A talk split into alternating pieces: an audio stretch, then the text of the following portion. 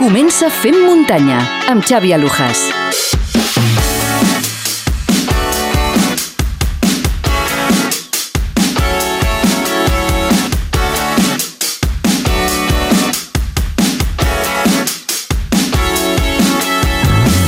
no era una acció destinada a vendre sabatilles. De fet, aquestes sabatilles, les Fantas, fa poc que s'han llançat al mercat i hi ha molt poques unitats. Si hagués sigut així, eh, hi hauria, s'haurien preparat milers d'unitats. Hola, benvingudes i benvinguts al 14è Fem Muntanya, el programa de podcast dedicat íntegrament a temes relacionats amb la muntanya. Com cada dijous, tornem a publicar un nou programa. Moltíssimes gràcies per haver-nos triat com cada setmana sou molts més els que ens eh, aneu doncs, escoltant i ens fa moltíssima il·lusió publicar cada setmana nous programes, tant si és la primera vegada que ens escolteu com si ja ho feu des de ja fa setmanes. Recupereu quan vulgueu la resta de programes a la nostra pàgina web femmuntanya.cat o a qualsevol plataforma de podcast on a més us podreu subscriure i on també podreu deixar-nos una bona valoració.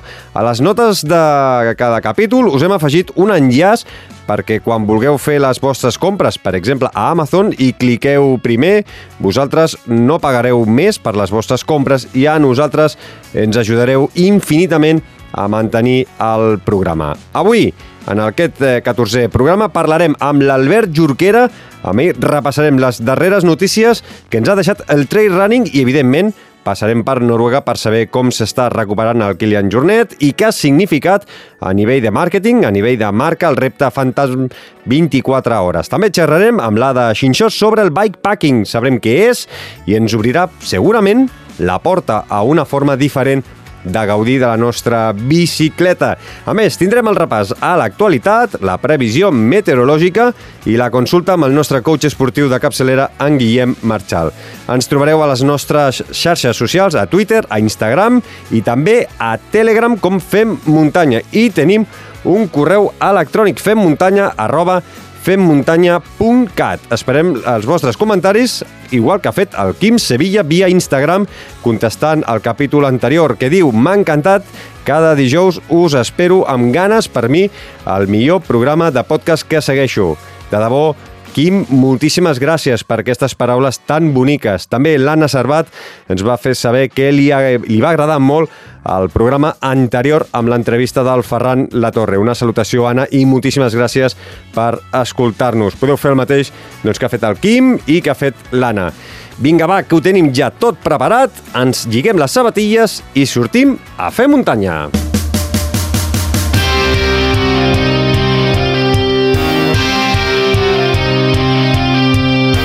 I començarem aquest 14è programa visitant la web ultrascatalunya.com i saludarem a l'Albert Torrent. Hola, Albert, què ens ha deixat aquesta setmana? Hola, Xavi. No ha pogut ser. Kilian Jornet haurà d'esperar una altra oportunitat per a completar el repte de les 24 hores en pista. El corredor català va haver d'abandonar després de cobrir 135 quilòmetres en poc més de 10 hores, després de notar unes punxades al pit. Els metges i l'equip de Salomon van aconsellar la retirada del bo d'en Kilian. Li desitgem una bona recuperació i esperem veure'l ben aviat gaudint de les muntanyes. Sota la pluja i amb les restriccions sanitàries pertinents es va celebrar el passat cap de setmana la 3 dies Trail Ibiza. Més de 350 corredors van gaudir de l'illa Eivissenca en una de les poques curses que s'estan celebrant a nivell estatal. Eduard Hernández, Júlia Font i Joel Aubeso es van fer amb les curses curtes, mentre que Tòfol Castanyer, Aroa Sio i Donatello Rota obtindrien la victòria en la Ultra. La catalana Anna Comet va tenir un paper destacat, ocupant el podi en les tres curses de l'esdeveniment. Segueix l'aventura sud-africana per als catalans Ragnar de Bats i Pere Orell. Després dels seus bons resultats a The Other Trail Run, amb un tercer lloc per Ragnar i victòria per Pere, arribaria la doble victòria dels 100 km de la K-Way Run. Aquesta setmana s'endurien una doble victòria a la Merrell Hobbit Trail Runs, de 90 km i 5.000 metres de desnivell positiu.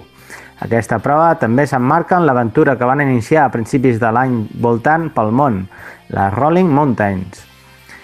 La Diputació de Lleida ha inaugurat la seva estació de trail.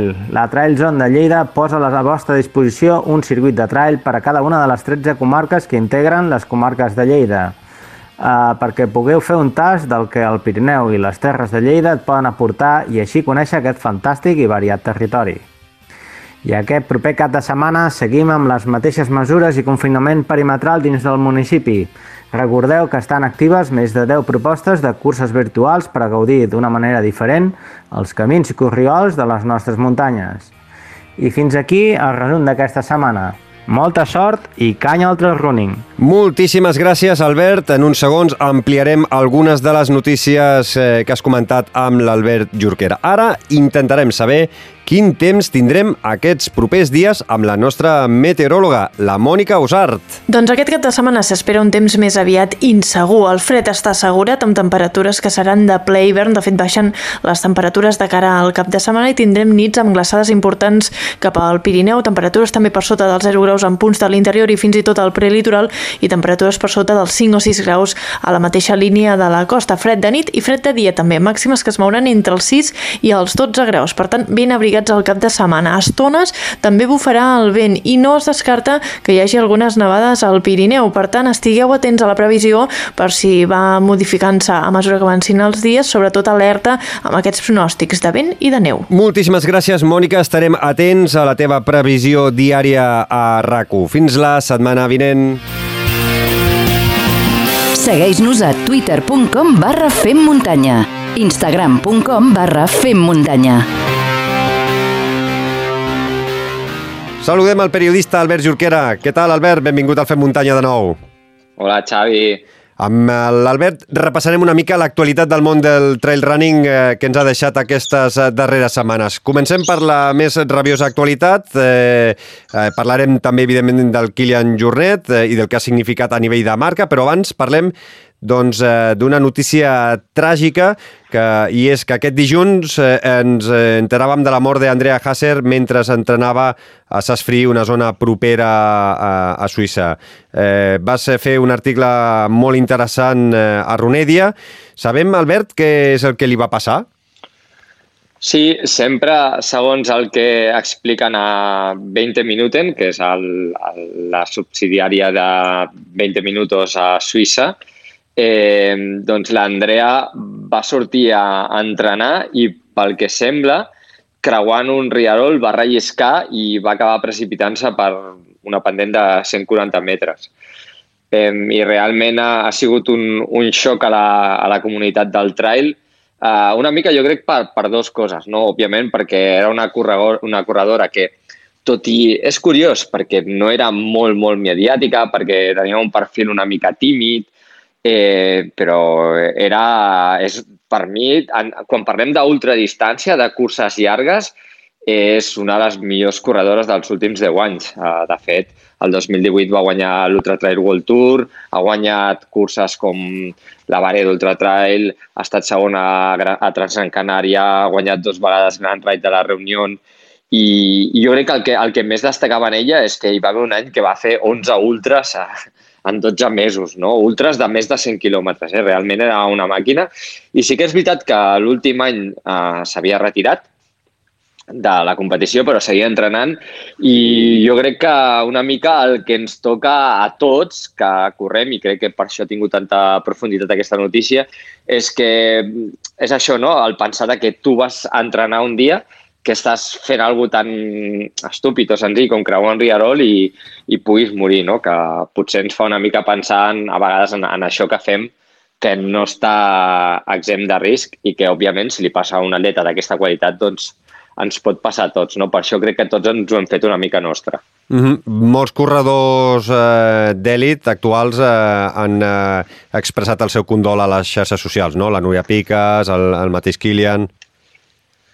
Sí, uh, bueno, sobretot uh, aquests corredors de, més de llarga distància, no? que havien coincidit amb ella, uh, la Fernanda Maciel, la François Daen, realment uh, les xarxes es van omplir perquè et deia, no? perquè hi havia molts corredors que havien compartit moments amb ella i jo crec que d'alguna manera, encara que fins i tot no la coneguessis gaire, doncs et toca de prop per això, no? perquè van morir fent una cosa que, que, que fem tots quotidianament, que és anar a entrenar a la muntanya. Mm -hmm. Això ens demostra una miqueta la fragilitat eh, de la que estem eh, doncs, eh, tots eh, formats, eh? i que avui surts a entrenar. I tant. I, sí. i hem d'anar sempre a, a molt de compte. Uh, deixarem l'enllaç uh, del teu article, Albert, als, uh, als, als notes d'aquest capítol i que la gent doncs, llegeixi per saber una miqueta més qui era André, Andrea Hanse, que descansi en pau. Albert, aquest cap de setmana passat has estat a la Illa Blanca d'Ibissa, a la 3 dies Ibiza Trail. Eh, Albert, què t'ha tocat fer? Has corregut o has treballat? No, m'ha tocat... Uh, bueno, m'ha tocat... Uh, he pogut treballar. Per fi? Uh, per fi, sí, sí, per fi. Eh, una cosa és... Com aquest any que estem vivint, molt surrealista, no? Tot molt estrany, fins i tot ja el procés d'anar a l'aeroport, no? De nit, no trobar-te ningú, amb un sal, salvoconducte, i vaig estar fent la comunicació tant prèvia com durant la carrera i donar una mica de suport fent de speaker a, a l'altre, a l'speaker principal, una mica fent de tot i sobretot la, la comunicació de les curses, que déu nhi lo intens que va ser l'esdeveniment, perquè no només vam fer una cursa, sinó que en vam fer cinc durant tres dies, uh mhm. -huh. una divendres, tres dissabte i una diumenge. Com ho veus aquest format de tres dies? Llavors, eh, si no recordo malament, divendres hi havia una cursa de 10 quilòmetres nocturna, dissabte era la, la, la prova reina amb aquestes tres curses, la ultra, la marató i la mitja marató, i diumenge hi havia una altra cursa de, de 10 quilòmetres. Eh, com ho vas veure? O sigui, veus que això és un, un bon format? És, és un format, sens dubte, interessant. Um, és diferent. Per exemple, pa, diferent, sí, per, per l'organitzador, um, òbviament, perquè al final al tenir més curses i curses curtes, doncs pots tenir més volum de gent, tot i que enguany, evidentment, per la pandèmia estava limitat a 350 corredors, però d'entrada per l'organitzador és interessant, no? I després pel corredor, a mi em va sorprendre realment que, que hi va haver molta gent que va fer cursa els tres dies i, i clar, quan dic curses tres dies, eh, d'acord que el dissabte hi havia una de 22, però hi havia gent que va fer una de 10, una ultra de 84 i una de 10 al diumenge. Uh mhm. -huh. eh, L'anècdota, per exemple, és que en Luis Alberto Hernando, vale, el tres cops eh, campió del món, hi va anar i si mireu les classificacions no va quedar molt amunt, però el que volia és que si anaves als tres dies tenies 5 punts per l'ultratrail del Montblanc i els necessita per anar l'any que ve. Eh, aleshores, també és un bon incentiu no? per la gent a vegades fins i tot que necessita aquest tipus de punts per anar, per anar a UTMB o per, per tenir punts per, per poder competir altres curses. És curiós, eh, que a Luis Alberto Hernando li faltin punts per anar a la UTMB. Sí, és, és, és curiós. Sí, sí és, són, són peculiaritats d'aquest esport i et prometo que va anar eh, únicament, perquè em va dir que està doncs, bastant fora de forma i tal, a aconseguir els 5 punts per l'any que ve. Així perquè que ja l'any passat, si recordes, va córrer la CCC, però és perquè no tenia punts per córrer la cursa llarga. Ara ja, ja que has tret el tema, ja té els punts suficients? El veurem a finals d'agost a la, a la UTMB?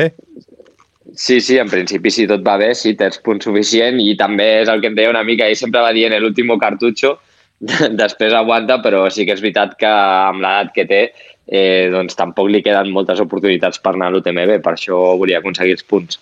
Molt bé, Albert, eh, en tres dies Ibiza Trail, eh, alguns corredors coneguts i sobretot, per exemple, el guanyador de la Ultra dissabte, eh, Tòfol Castanyer. Com, sí, com el vas veure? Um, el, el fet de que hi hagi poques curses fa que, doncs això, no? que hi hagi molts corredors i, de fet, n'hi va haver molts altres d'elit que van contactar amb l'organització per veure si els podien ajudar o convidar. Els hi van dir que no, perquè és un any complicat també a nivell d'organitzador, però tot i així hi va haver, com deies, a corredors de molt renom com Antòfol Castanyer, l'Eduard Hernández, la Júlia Font, l'Anna Comet, eh, i bé, aquests tres últims que t'he dit, eh, l'Eduard, la Júlia i, i, i l'Anna van, van dominar les distàncies curtes i després a la, a la distància llarga doncs, recitar l'espectacular del Tòfol que potser el fet de que guanyés no és tan espectacular, perquè el nivell que hi havia doncs, no és com el d'altres curses, sí que hi havien Donatello Rota, un corredor de Ride italià, que va ser segon, però és que Antoful, i ell ho ha publicat després, no? Um, va anar a un ritme estratosfèric i es va sentir molt bé. Tenia uh, ganes, tenia ganes de, de córrer, sí. de competir, de sentir-se corredor i, i de posar-se un dorsal, eh? va anar, va anar més d'una hora d'avantatge sobre el segon i jo crec que aquest sentiment que té en Toffol m'hi vaig trobar um, de manera curiosa quan estava fent la comunicació a la cursa ja a la nina arribada, que venien molts corredors anònims i de sobte et donaven les gràcies um, per, per haver tirat endavant la cursa. No? Va ser una cursa amb, amb molts mitjans de... amb moltes mesures de seguretat, um, bastant molestes pels corredors perquè se'ls havia anat cridant un amunt 20 minuts abans de començar la cursa. Se'ls cridava d'un amunt, se'ls posaven calaixos, se'ls prenia la temperatura, rentant les mans però tot i així no hi va haver cap queixa, no hi va haver cap problema, al contrari, no? la gent molt col·laborativa, molt comprensiva i molt donant les gràcies no, a l'esforç que va fer tothom per poder tirar endavant no una, sinó cinc curses i una cosa a la que estàvem tan acostumats, no? doncs que ara eh, ens sembli tan, tan difícil no? o tan sorprenent. Doncs Eivissa tornarà a ser l'epicentre del trail running el proper 13 de desembre amb el Campionat d'Espanya per federacions eh, de trail running absolut i promoció i de Catalunya, per exemple, tindrem noms, si no hi ha cap canvi d'última hora, Marta Molís, Gisela Carrion, Mireia Pons, Anna Comet i Mònica Vives, i en homes estaran gent com Andreu Simón, Jan Margarit, Eduard Hernández, Abel Carretero i Miquel Corbera. Viurem una cursa bastant renyida, eh? Sí, hi haurà un molt bon nivell per això que et deia, no? perquè realment han ha hagut molt poques competicions a nivell d'elit i aquesta potser no, potser no és la última ja de l'any. No? Sí. Aleshores, eh, tothom, moltes vegades la gent arriba aquí ja cansada o saturada de competir o, o té altres compromisos i ara tothom que està uh, seleccionat, doncs, òbviament, vol anar per això que et deia, no? per, per trobar nivell de competició i, i també per, perquè és un campionat d'Espanya. Eh, Albert, dediquem aquests darrers eh, 5-6 minuts que ens queden eh, per parlar del repte de Kilian, Fantasm 24 hores, eh, el vas seguir, suposo, eh? Sí, el vaig estar seguint també i, i molt bé. Vas estar 10 hores i mitja connectat al canal de YouTube de Salomon o no? O vas a... No, la, la, les 10 hores i mitja i mitja no, però moltes vegades em vaig connectar durant, les, durant aquest període, sí. Saps com es troba el Kilian ara? Has pogut parlar amb ell aquests darrers dies? Només li vaig enviar un missatge en plan, ell, que et milloris i tal, i em va dir que bé, que, que estava bé, que, um, però que clar, que aquestes coses de cor uh, s'han de mirar bé, però que en principi es trobava bé. Perfecte. I dels problemes també de genolls, uh, suposo que una mica de fisio i una mica de recuperació, no? Una mica de descans. Sí, el, el que passa és que realment, i, i és sorprenent, eh? perquè jo sí que pensava que, i ell ho sabia, que, que podien haver-hi molèsties físiques i, de fet, la primera vegada que vam parar doncs, pensàvem que era pel genoll i vam pensar que anava per aquí, però és que realment eh, l'abandonament és, és 100% per, per les punxades que va tenir el pit de manera sobtada.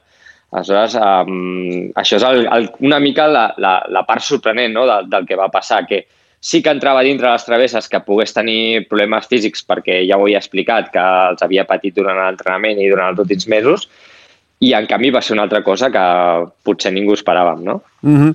Uh, ara ell ha dit que uh, el repte aquest de les 24 hores en pista continua, continua tenint entre Sella i Sella, canviarà les dates, suposo, no? Mm, va dir aquesta setmana uh, als matins de TV3 doncs que fins al mes de juny eh, ho aparca perquè les condicions meteorològiques i climàtiques de Noruega eh, no són gens favorables, eh, molta neu, fred, gel, eh, ho, ho aparca com a mínim fins al mes de juny, ja veurem si torna a donar una, una nova data, suposo que a partir d'ara ara a l'hivern el que més li agrada, no? la neu, la muntanya, eh, l'esquí de muntanya, pujar, baixar i, i, i, i crestejar, no? Sí, sí, sí. Prepara uh, els reptes que em sembla que ja també va dir que tenia cosetes per fer si, si es podia cap a, cap a l'Himalaya. Sí, clar, al final ell és més això realment que, que el que ha fet en pista. I sí que és veritat que això molta gent ho va dir, que les dates no eren les més adequades. De fet, això potser hi ha gent que no ho sap, però aquest repte s'hauria d'haver fet fa tres setmanes, a principi de novembre, eh, es va retrasar una miqueta i després sí que és veritat que, que va entrar molt mal temps i, a veure, és evident que si tu fas una cosa així a Noruega ja tens previsions um, de que hi haurà temperatures baixes, però les inicials del repte era arribar a zero a la nit, no arribar a 6 sota zero uh, quan encara no, no, no estàvem en plena nit. No? Aleshores, jo crec que si ho intenta un altre cop, eh, que sembla que sí, doncs uh, seria molt millor fer-ho doncs, al, al juny-juliol, evidentment. Doncs estarem atents eh, a veure si s'anima i, i, i, de fet, doncs de ben segur que si ho té entre sella i sella, s'ho prepararà d'una altra forma, millorarà eh, doncs els errors que hagi pogut eh, cometre en la seva preparació i de ben segur que continuarem disfrutant de, de, del Kilian. Eh, a nivell de, de, de màrqueting, eh, Albert, tu que, que, que, que, to, que la toques, eh, que, que hi entens, que estàs també una mica en el món de, de Salomon, eh, creus que, que ha sigut positiu per Salomon i Sunto tot aquest repte, inclús eh, doncs, eh, que no l'hagi pogut completar favorablement? Sí, a veure, aquí hi ha dues coses. Una, quan la gent parla, a vegades he vist comentaris de gent que no, no domina gaire o especula, quan parla de que era tot un, un repte de màrqueting o forçat per Salomon o, o Sunto, això realment no, ja t'ho dic jo. Um, no era una acció destinada a vendre sabatilles. De fet, aquestes sabatilles, les Fantas, fa poc que s'han llançat al mercat i hi ha molt poques unitats. Si hagués sigut així, eh, hi hauria, s'haurien preparat milers d'unitats Uh, el que és evident és que un cop en, en Kilian decideix fer això, s'activa la maquinària uh, de màrqueting i de comunicació de Salmon, que per mi és, és molt bona, tot i que jo ja estic ficat, però... Uh, és increïble. Això... Des, de for, des de fora, els que, els que, no, els que ho veiem des de fora sense tenir cap relació amb, amb Salomon, la, la feina, la maquinària que dius tu de, de, de màrqueting de, de Salomon i Sunto amb Amer Sports és, és espectacular. Sí, jo, jo crec que sí, i amb aquesta acció directament jo no he estat implicat i jo quan vaig veure el que van fer em, em vaig sorprendre i vaig al·lucinar. Eh, aleshores, en, en sentit de màrqueting, realment, ja et dic, no crec que de, de ventes res, no, no s'haurà notat res, uh, però a nivell d'exposició, de, a nivell de... Uh, bueno, la gent que va estar connectada al live, a nivell de jo, jo porto les xarxes de Salomon a Espanya. A nivell del creixement de nous seguidors, de comentaris, de likes, mm, és, és increïble. I, I porto molts anys fent-ho i sé més o menys les coses, sé preveure com aniran i realment em va sorprendre. O sigui, la quantitat de gent que estava comentant durant tot el dia a, a, a Facebook, a Instagram, a Twitter, la quantitat de likes que tenim, la quantitat de missatges, molta gent, a més, que no és de trail, molta gent que és d'asfalt, que, que es va enganxar a seguir-ho, i jo crec que en, en aquest sentit, doncs, uh, evidentment, hi van haver errors, coses que es poden millorar, però jo crec que a nivell d'imatge de, marc, de, de marca i de màrqueting i de difusió tant de Salomon Sunto com del propi Kilian um, va ser espectacular. I crec, crec que al final poder seguir aquestes coses amb uns mitjans que tampoc són milionaris, perquè aquest esport no, no mou milions, que a vegades són coses que estan fetes gairebé artesanalment, tot i que Salomon és una marca gran, doncs jo crec que, jo crec que és un privilegi, sincerament. De fet, a, a, a, els que estàvem connectats a, a YouTube, que per cert, em vaig connectar a diferents moments de, del dia a, i a les 12 al migdia, que només portava una hora i mitja, hi havia gairebé 19.000-20.000 persones connectades al canal de, de Salomon. Vull dir, Déu-n'hi-do, per ser l'hora que era, doncs la quantitat de, de gent que, que hi havia. Uh, doncs, Albert Jorquera, moltíssimes gràcies, estem en contacte i parlem properament. Molt bé, gràcies a vosaltres. Una abraçada, Xavi. Fem muntanya, amb Xavi Alujas. Saludem a la col·laboradora del Fem Muntanya i especialista en bicicleta de muntanya, Ada Sinxó. Benvinguda de nou al Fem Muntanya, Ada. Hola, Xavi, encantada de ser-hi. L'Ada forma part de l'equip Trideporte Rutes Ibiza i ens explicaves, Ada, a la darrera secció, que podeu recuperar quan vulgueu en el programa número 9, que amb la Gravel havies redescobert el bikepacking. Com ha anat això i què és el bikepacking? Uh, doncs sí, totalment. Uh, aquest setembre, amb la meva parella, el Santi, vam fer un viatge en bici que el vam anomenar Ruralia Tour. Va ser un viatge de 12 dies en format bikepacking, és a dir, anàvem amb les nostres bicis, en aquest cas de gravel, i tot el que portàvem, el mínim possible, anava col·locat en unes bosses que s'adapten molt bé a les bicis amb la idea de que l'equipatge condicioni com menys millor el viatge. El bikepacking és això, viatjar um, amb el mínim equipatge. Mm -hmm. déu nhi 12 dies sí. només portant el que portàveu a sobre de la bici. Sí, sí, exacte. Ho portàvem tot el que necessitàvem um, en bici. No saps mai si et farà falta alguna més que no has agafat o si hauràs agafat alguna cosa que realment no utilitzaràs, però has d'intentar doncs, um, ser bastant minimalista perquè com menys pes portis um, doncs, um, podràs fer més coses i, i viatjaràs més, més còmode. I el primer dia que surts de, de casa, eh, que obres la porta, surts eh, amb la bici, amb tot el que portis a, a les bosses de la bici, eh, quina sensació tens? de, de que vas, eh, fets el símil, eh, despullada amb poca cosa i, i, i vas, surts amb por o, o surts eh, totalment convençuda de que no necessitaràs eh, res? Suposo que quan ho has fet ja moltes vegades vas super segur amb el que has agafat i, i ho tens tot dominant, no? Nosaltres, en, en aquest cas, va ser una miqueta això, en plan, ostres, um, a veure si ens faltarà res, però, què va, quan ja era el segon dia de viatge i estàvem totalment immersos, estava tot controlat, i a més a més vaig tornar a sentir aquella increïble sensació que em dóna viatjar amb la bicicleta. Llavors vaig recordar que, ostres, això no era la primera vegada que ho sentia, no? No era una sensació nova. I em va passar el 2010, um, també amb el Santi i un amic nostre, vam fer el que és la Transpir, sortint de Roses vam arribar a Donosti en 8 dies, sense assistència, només nosaltres i les nostres bicis. I va ser molt gratificant. No entenc com se m'havia oblidat. Ostres, llavors ja, el 2010, ja havíeu fet bikepacking? Eh, I això pensava que era una, una moda de, de pocs anys enrere. Doncs sí, de fet ja fèiem bikepacking, um, però llavors no n'hi dèiem així, és una qüestió de modes. Um, tampoc teníem el material que hem utilitzat ara, no? que és específic i n'hi diuen de bikepacking. Llavors vam recórrer els Pirineus d'est a oest, vam intentar minimitzar l'equipatge al màxim possible i ho vam carregar com vam poder a les bicis o, per exemple, jo duia una motxilla a l'esquena i una bossa al manillar. I el Santi només duia una motxilla vella seva d'anar a l'escola, imagina't, agafada amb pops a un portabultos que s'agafava la tija del sillín. déu nhi uh, sí, sí, sí.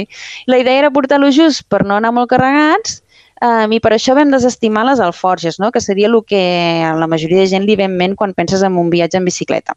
I d'alforges en teníem, però amb les alforges comences a carregar moltes coses i no ens feia falta i no volíem portar tant pes que ens condicionés per quins camins i, i quins no podríem passar i a més a més així amb menys pes aniríem més còmodes. Mm -hmm.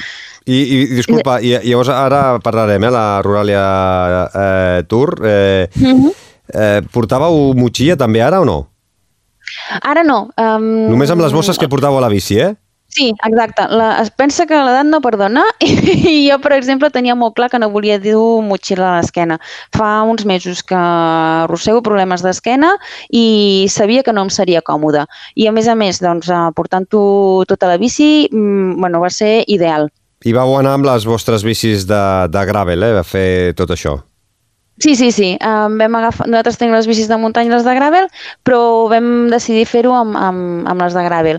Um, així no et limites tant al, al, al viatge, no? És, com que és una bici molt polivalent, Pots... Pots fer tant trams de muntanya com trams d'asfalt amb més comoditat que, que amb la bici de muntanya, sobretot per la part d'asfalt. -hmm. Si voleu saber les diferències que hi ha entre una BTT o què podeu fer amb una BTT i què és el que podeu fer amb una bici de, de cartera, escolteu el, el podcast que us deixarem a les notes d'aquest programa perquè ja amb la, amb la de Xinxó ja vam parlar del tema de bicicleta de BTT versus bi la bicicleta de, de gravel. També deixarem a les notes del programa el link del teu blog Uh, del teu, de l'article que vas fer l'any 2010 sobre l'animalada de l'estiu de la Transpir, eh? el que acabes d'explicar de, de, uh, ara mateix. I tornant a aquest mes de setembre, explica'm més sobre la, la vostra Ruraria Tour bueno, doncs um, fa poc més d'un any, o així em sembla que era, um, vaig descobrir una ruta que es diu Muntanyes Vacíes.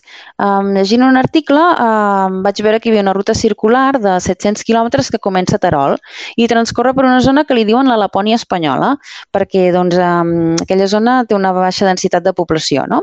Hi viu molt poca gent i per això li diuen uh, així. Um, de seguida em va cridar l'atenció, vaig comentar amb el Santi i perquè no havíem estat mai en aquella zona. I buscant destins ara per anar de vacances eh, ens va venir al cap. Llavors, clar, vam dir, vale, això és a Terol, la, la ruta pinta molt bé, però, coi, com hi anem?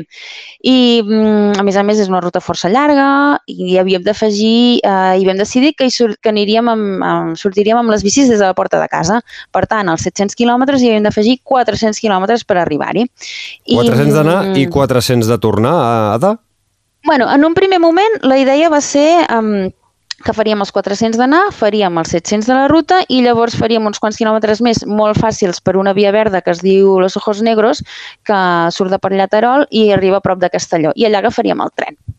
Aquesta, La aquest idea. era un, el, el plan. Sí. No m'avanço, no m'avanço, no m'avanço, que em sembla a mi que ja sé per on com acabarà, però abans de, de, de descobrir el final, continua, continua, disculpa. No, no, res. Llavors, um, el, el que era en principi, al principi que vam dir, ostres, mare meva, quants quilòmetres i això, doncs vam dir, al final era un repte, no? I ens proposàvem fer 1.200 quilòmetres en 10 dies i carregats amb el bikepacking. Llavors, clar, bueno, estàvem molt il·lusionats, però alhora collonits. Bueno, pensem que, que vius, que viviu a, a, Sabadell. Vull dir, són Mm. uns quants quilòmetres eh, carregats amb la mínima... Eh, amb el mínim pacatge. I, I el nom de Ruralia Tour? Bueno, això va ser que quan vam començar a dissenyar els tracks per arribar a la ruta Muntanyes Bacies, o sigui a Terol, vam decidir fer-ho per l'interior. I mirant mapes i buscant llocs on parar a dinar o a dormir, ens vam adonar que ens, en, ens endinsàvem a, a un territori, una zona on hi havia poques ciutats grans i en canvi hi havia molts poblets petits um, que en general no estan gaire freqüentats per turistes. És una zona doncs, molt rural i d'aquí doncs, li vam donar nom al viatge. Ens va fer molta gràcia perquè, per exemple, doncs, um, vam viatjant cap allà, cap a, cap a, abans d'arribar a la ruta de muntanyes Bacies, doncs vam parar a dinar a Bellvei del Penedès, a comprar plàtans als guiamets, a berenar a Gandesa, a passejar per Penyarroja de Tastavins, fer un cafè a Vilafranca del Cid o vam dormir a Mosqueruela. Um, vam xerrar amb la fornera de Valdelinares i nosaltres molts d'aquests pobles els desconeixíem totalment, o sigui, no havíem ni sentit a parlar d'ells eh, mai. Era molt, no sé, va ser molt xocant perquè ens imaginàvem que un cop a Llaterol, a la ruta de muntanyes Bacies, no trobaríem gaire gent, però és que anant cap allà, amb la majoria de dies ni ens creuàvem cap ciclista ni excursionista i tot i que els llocs que passàvem eren espectaculars i crec que val la pena fer-hi una escapada. I et quedes amb algun lloc en especial, allò que dius, "Mm, això, mm, tinc la fotografia gravada dins? Ostres, és O és complicat, difícil, eh? perquè clar, després de tants dies... Sí, és, és molt complicat perquè hi ha molts pobles i poblets que, que ens van encantar i molts paratges que, que, bueno, que són per tornar-hi. Però, per exemple, el poble del Barracín, si no hi heu estat mai, um, crec que és un, un bon destí. És molt xulo, el casc antic és preciós, té un castell, um, té restes prehistòriques a la vora i, i és, eh, és un molt bon lloc per anar. I ara parlem més de, del bikepacking. Uh, per estar 12 dies, uh, què, què, què és el que vau portar? Uh, vale, doncs sí, uh, exacte. En lloc de, de 10 dies, al final en vam fer 12, perquè tot i que teníem pensat de tornar amb tren des de Castelló, al final ens vam sentir còmodes i, i vam tirar amb el plan B, duíem uns tracks per si de casa volíem tornar pedalant cap a Sabadell i així ho vam fer. Llavors, um, vam, ens va costar bastant decidir-nos per quines bosses de bikepacking um, ens decantàvem i després de, de mirar molt vam optar per portar una bossa de sillín i un parell de bosses de quadre. A més a més, un cop vam triar va ser una mica complicat perquè per culpa de la Covid i el boom del bikepacking hi havia moltes marques que s'havien quedat sense estoc.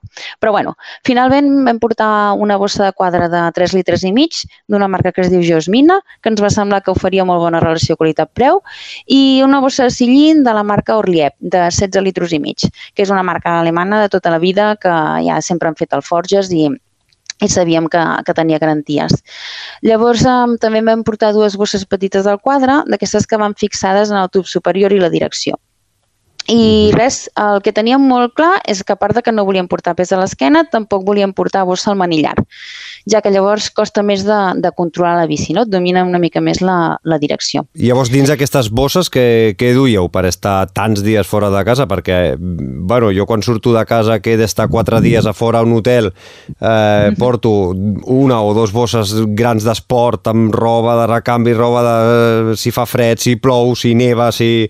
Eh, recanvi de tot i clar, vosaltres en aquest sentit eh, havíeu de portar l'indispensable per, per estar 12 dies eh, fora de casa. M'imagino que vau dormir en, en pensions, hotels, eh, eh, no vau fer... Sí. No vau dormir Nosaltres sí. a l'aire. Nosaltres vam, vam, vam dormir en allotjaments. Um, més que res vam decidir dormir en allotjaments perquè la, la, les rutes que tenia, la ruta que teníem pensades eren molts quilòmetres per dia i volíem descansar bé, no? Llavors, um, el que portava, jo per exemple, t'explico el que portava dintre de les bosses. A la que duia en el sillín, duia uh, un impermeable, una petita farmaciola, alimentació per, per els diversos dies, allò bastantes barretes, sobres d'isotònic, això anava bé perquè com que ho anàvem consumint cada vegada em pesava menys. Està bé, això. Llavors, sí, duia una llibreta i un boli perquè a mi m'agrada doncs, a l'acabar la jornada si puc escriure una miqueta sobre el dia. Um, duia una samarreta de màniga curta, una samarreta tèrmica, un jersei de màniga llarga, pantalons llargs, uns baguis, que són un tipus de pantalons que es fa servir per anar en bici, que els duíem per si plovia, que els vam haver de, de portar perquè ens va ploure bastants dies, i que també els fem servir per, com a pantalons curts a l'acabar una etapa. Uh -huh. A l'acabar l'etapa, per exemple, una tovallola petita també duia, una muda de bici, o sigui, a part del mallot i colot que duíem, en duíem una altra, um, unes anàveu- xancles... Només anàveu amb- amb una altra muda. Exacte, sí, sí, sí. I mira, un, un dia una de cada i, i un dia vam poder-ho rentar i... un, un dia, eh? Un, dels 12 dies, un dia vam poder fer una rentadora. Esteu, esteu d'aventura, esteu en una, a, a, Sí. en una aventura. I llavors què me duia més? Duia unes xancles, el carregador del mòbil i el carregador de les bateries de la GoPro, uns mitjons de recanvi i roba interior. Això ho duien a la bossa de sota el sillín. Déu-n'hi-do, Això i cap allà. Déu-n'hi-do. Sí. I llavors Sí, a sí. la bossa del quadre portaves... Sí, um, és, és el que has de portar més a mans, no? Llavors duia l'armilla per a vent, uh, un buf, maniguets, uh, la protecció solar, gel hidroalcohòlic, d'avui en dia no, això no pot faltar, Sí, sí. càmera, un, una I- càmera de recanvi. Mascaretes per també. Uh, les mascaretes les duíem a l'altra bossa, la, a la més petita de, de sobre el quadre. Um, què duia més? La, la, la manxa per si punxes i has d'inflar, el multieines, piles de recanvi pel GPS, un moneder, la manta tèrmica, mm, un banyador i les claus de casa. Déu-n'hi-do, també. I, sí, sí. I a la bossa petita del quadre, eh, allà duia el menjar que, que fa servir durant el dia, o coses per picar, fruits secs, barretes, i, i les mascaretes, i la mascareta, vaja. Teniu calculat més o menys quan pesava la, la bici amb totes les bosses plenes o no? Ho vau arribar a pesar o no? No, no, no ho vam mirar. No, No sabeu no el pes. ni idea. No, No, la- molta cosa, però el que deies, eh? les coses eh, estan avui en dia bastant, són bastant minimalistes i hi ha roba bastant minimalista avui en dia per, per posar. Sí, sí, sí. sí. Però es pot portar Però molta més cosa, no? Hi ha gent que quan fa rutes inclús per Europa i pels Pirineus veus el que deies tu, no? Aquestes alforges als costats de, de les rodes, no? Clar, clar, i, no, no, i fins i tot amb les bosses aquestes de bikepacking, o sigui, te'n faries creus del que arriba a portar la gent, eh? N'hi ha molta gent que fa acampada i amb el mateix amb les mateixes bosses que duiem nosaltres, més alguna en el manillar i alguna que porten a vegades al costat de la, de la suspensió, porten fogonet, eh, sac de dormir, màrfaga, una tenda, eh, però el que passa és que nosaltres, en aquest cas és això que dèiem, no? vam prioritzar descansar bé perquè les etapes eren llargues i amb desnivell i tampoc tenim aquest tipus de material en format lleuger. Llavors, clar, si ho havíem de comprar tot era una despesa molt gran, no?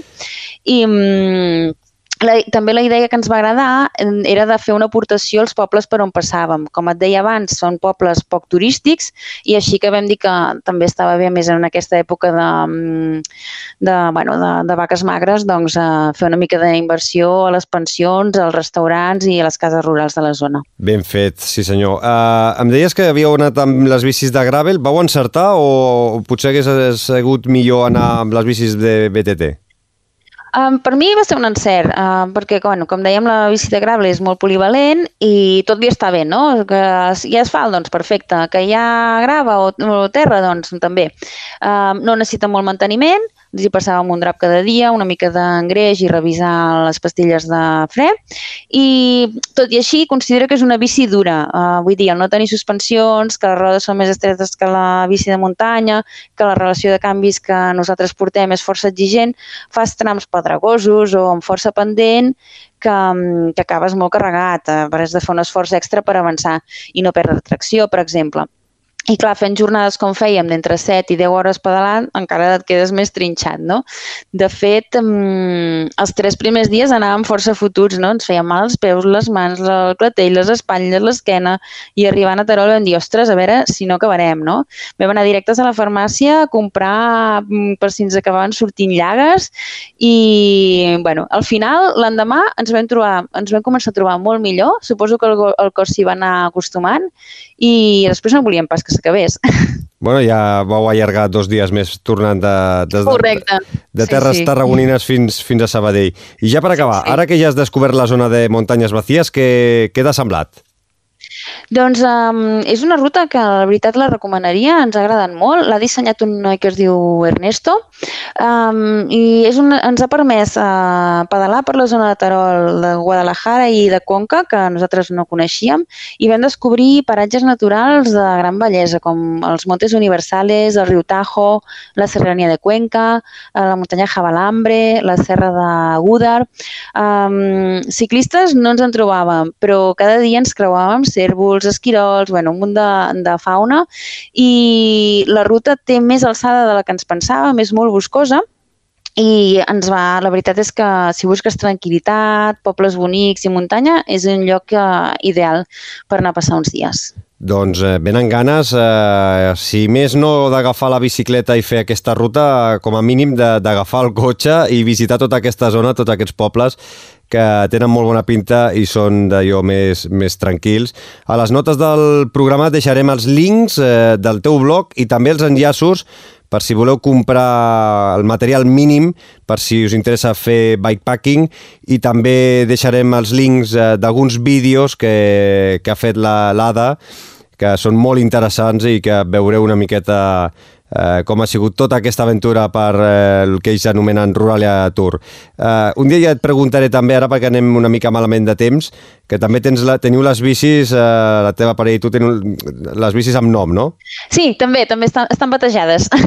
Ja en parlarem un altre dia. Eh, Ada Sinxó, moltíssimes gràcies per acompanyar-nos un dia més al Fem Muntanya. Cuida't molt i fins ben aviat. Una abraçada. Perfecte. Gràcies, Xavi. Una abraçada.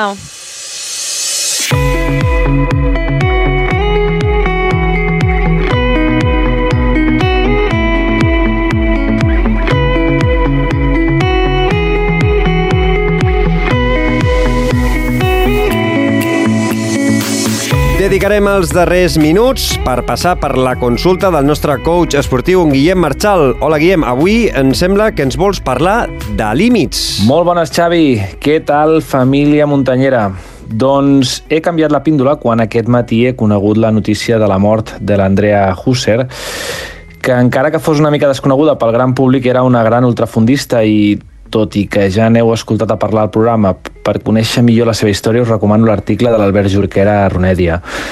Ja feia uns dies que tenia pensat parlar dels límits, aquella línia imaginària que marca l'abans i el després de la vida d'una persona.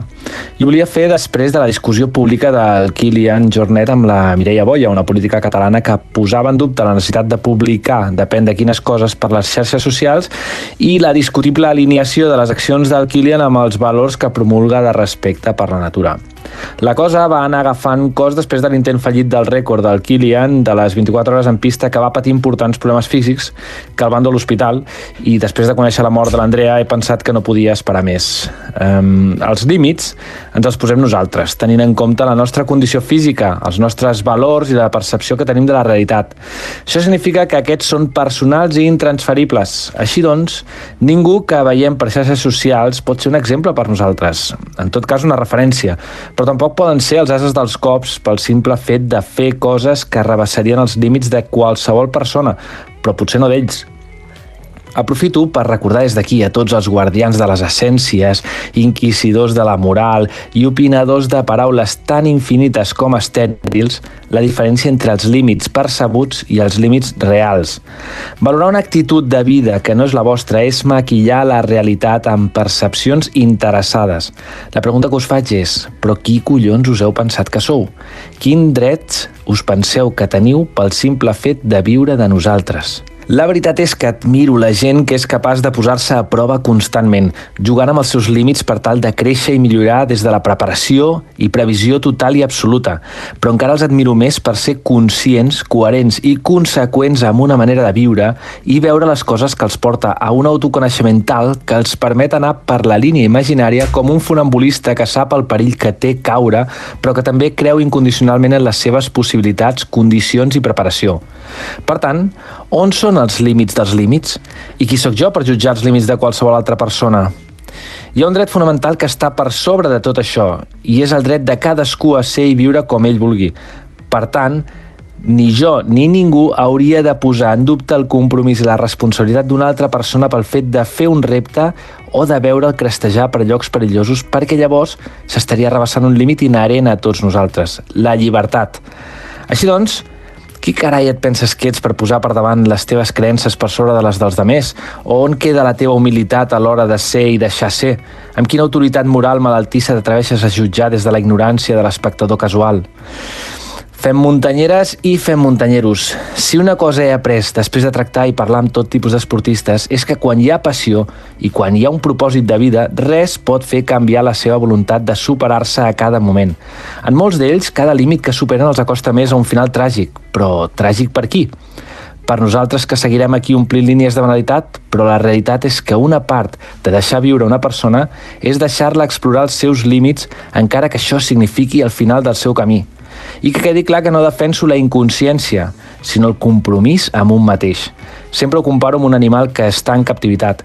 Viurà feliç una mort propera en lliure, vivint la seva essència, però morirà en vida, una vida llarga, engaviat no podent ser ell mateix. Amigues i amics de Fem Muntanya, que arribi des d'aquí a totes les persones que admirem el nostre petit i humil homenatge pel sol fet de ser i viure amb llibertat. Gaudirem de la seva vida com a espectadors de luxe i celebrarem la seva marxa amb dolor, però sense retrets pel simple fet d'haver estat fidels a ells mateixos. Jo només demano que el dia que la parca em vingui a buscar, que em trobi amb un somriure als llavis i el cor ple d'experiències felices com segur que ha trobat els que, buscant els seus límits, vivint la seva llibertat, ens han deixat i ens deixaran al llarg dels anys. Bueno, Xavi, que la vida ens reservi molts moments de felicitat encara. Apa, doncs, i fins la setmana vinent. Moltíssimes gràcies, Guillem. Fins dijous vinent. Podreu llegir molts més articles seus a guillemmarchal.com. Ens faríeu un favor molt gran si compartíssiu i ens recomanéssiu a les vostres xarxes socials. Així, doncs, eh, més muntanyeros i més muntanyeres doncs, eh, podran eh, escoltar-nos i intentar doncs, que també gaudeixin igual que ho heu fet vosaltres. Recordeu que ens podeu fer arribar les vostres opinions, els vostres feedbacks, tant a Twitter com a Instagram o a través del nostre correu electrònic femmuntanya arroba femmuntanya.cat. També us podeu subscriure al nostre canal de Telegram, que l'hem activat ara fa pocs dies. Recupereu tots els programes anteriors a qualsevol de les plataformes de podcast i també podeu escoltar-nos a través de la nostra web femmuntanya.cat. Aquí trobareu tota la informació de tots els programes, a més d'articles relacionats amb temes que hem tractat aquí. Acabaré agraint la feina de tot l'equip que l'ha fet possible l'Albert Torrent, la Mònica Usar, l'Albert Jorquera, l'Ada Xinxó i, com no, el gran Guillem Marchal. Una salutació de qui us ha parlat, Xavi Alujas. Ha sigut tot un plaer una setmana més. Tornarem la setmana vinent, però atenció, ho farem de forma excepcional el divendres. Fins llavors, gaudiu dels dies de festa qui els tingui, amb salut, molt de seny i, sobretot, molta, molta muntanya. Subscriu-te al podcast de Fem Muntanya.